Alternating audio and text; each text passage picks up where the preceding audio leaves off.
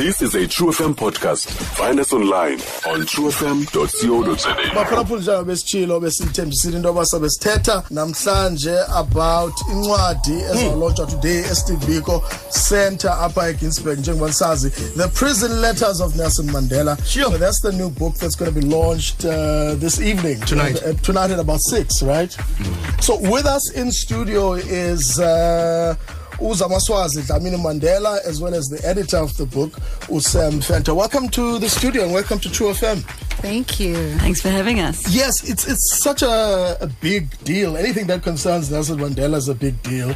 The book is called The Prison Letters of Nelson Mandela. What is this book about? In your own words. This is a story of Madiba's imprisonment from the time of his arrest in August 1962 until he walked out of prison, and it covers all aspects through his own writing. What is the difference between this book? Let's quickly just launch into this book. Zamaswazi, you can also come in. what is the difference between this book and, say, for instance, a book like uh, Conversations with Myself? I think the difference between um, this one is that, as Sahm stated before, it is in his own words. And it really is an in depth um, insight into daily life in Robben Island and what that was like. And I think also just understanding, you know, apartheid at the time, the brutality of the system, and just what it took for him to endure and go through and live through what he did. Family life, um, you know, political life, um, you know, him trying to be a student and study, what what that took and how he did that. Um, so it's it's kind of a very in-depth, detailed account of daily life and also just essentially how he made it through that time, what it took. Um, so it's a very practical way in which people can really kind of unpack and see how my grandfather was able to actually just survive that time. This book, uh, it must be personal for you, uh. I see that you, you are related to, to the old man. Uh, how are you related to the old man? And, and what was it like for you to work on such a project, which is so personal, I, I, assume? So my grandmother, you know, is the late Winnie Madikizela Mandela, and my mom is Zenani. She accompanied him to the inauguration. She wore that big black hat. Um, I mean, you know, it was it was a very very difficult book for me to even get through. I couldn't even finish most of it. I read what I could, um, just to kind of understand the material and what was in there. But a lot of it was just too personal for me, and it was too difficult. Um, and it just, you know, kind of made me see my grandfather in a more in a different light in the sense of like you know i always had this idea in my head that like oh my grandfather evolved over time or he changed or prison life changed him but i understood and i came to realize that that's not true he was the same person going in and the same person he came out. Um, i think people around him changed. Um, the fact that he went in saying i'm going to be dignified in the way that i manage myself and i handle myself through this time and he did that every single day. Um, i mean i think you know one of his, his prison inmates his fellow prison inmates um, Ahmed Kathrada said that he only ever saw my grandfather lose his temper twice. I mean, that's remarkable, you know, especially under those circumstances. So for me, you know, I think it, it, it is a it's a family story, but uh, deeply personal, deeply painful, very very painful one.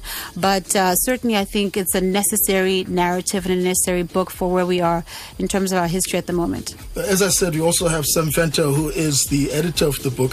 What what was the most difficult part for you of putting together this book? Mm, That's a very interesting question. Never been asked that one before. I think it was deciding what to put in because it was supposed to be a story covering all aspects of Madiba's imprisonment. Um, there's so much. He's an amazing writer. He could have been a writer if he wasn't a political activist. So, what I was trying to do was to tell a story so that people would understand all aspects. And luckily, I didn't only get letters that were personal, but there were letters to the prison authorities. He was not allowed to write about, to his family, he was not allowed to write about prison conditions or politics or other prisoners. And you see that in the letters to the prison authorities. That tells us exactly what it was like for him in terms of conditions. What would you like to say to young people about the book so they can go out there uh, this evening and go out there to buy the book? I think that, that Swazi and I have both been taken aback by the attention this book has re- received around the world. That people are looking to this book for wisdom, for his values, which actually are still valid today. Um, I think that we haven't achieved everything that he set out to achieve, obviously. So people can go into this book and see draw strength from it and draw inspiration from it in order to embark on their own struggles that they still need to undergo to make South Africa the place it should be. Zamaswazi, can you please tell us, give us some details about uh, what will be happening this evening at the Biko Center? Well, um, it's an evening with myself and Sahm, um, and uh, I think it's an opportunity for people to come and um, understand what the process was in, you know, getting this book done. Um, and I suppose for me, just you know, from a personal sort of anecdote as a family member, you know, what that means to me and what it meant to me. But I think also just um, an evening to kind of like, you know, just reflect on, you know, where we are and how we got here and what that took. Uh, and for me, it's always not just about my grandfather; it's about every single person who contributed. Steve Biko um, to our struggle. You know, there's so many. It's not just him alone. So for me, I think it's just a time for us to kind of come and reflect. Uh, you know, the hundred years of his centenary. So it's a very important time, I think, in our history. Also, just to say how far have we come, where are we going, what is next, where are we going, how much of what he taught us and what he left us are we actually living and, and are we actually saying? So I think it's a time of, for us to have a discussion and a conversation so people can come. They can ask there'll be a q&a there'll be an opportunity to um, you know I think, engage with us um, as well as the community for us to also just see where the community is at and understand the work that the Steve Biko Foundation is doing, which I think is incredible. They do amazing things. I, we were so taken aback, really. So I think it's it's going to be a wonderful evening for people to come and just, you know, also just a, a, an outing for people as well. And it's a book launch, which is great. Um, and it's, you know, the first time in East London, in East London, so we're excited. Finally, uh, just one question for you, uh, the to the editor of the book. A bit controversial. What would you like to say to the young people who are now trying to reevaluate and reassess the role of Nelson Mandela? Just get them to go out there.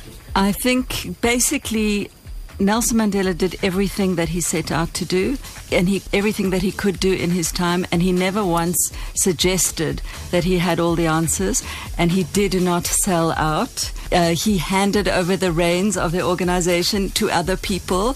So you know young people must come and read for themselves and make up their own minds. Well Sahm uh, Venter and uh, Zamaswazi Dlamini Mandela thank you so much for your time.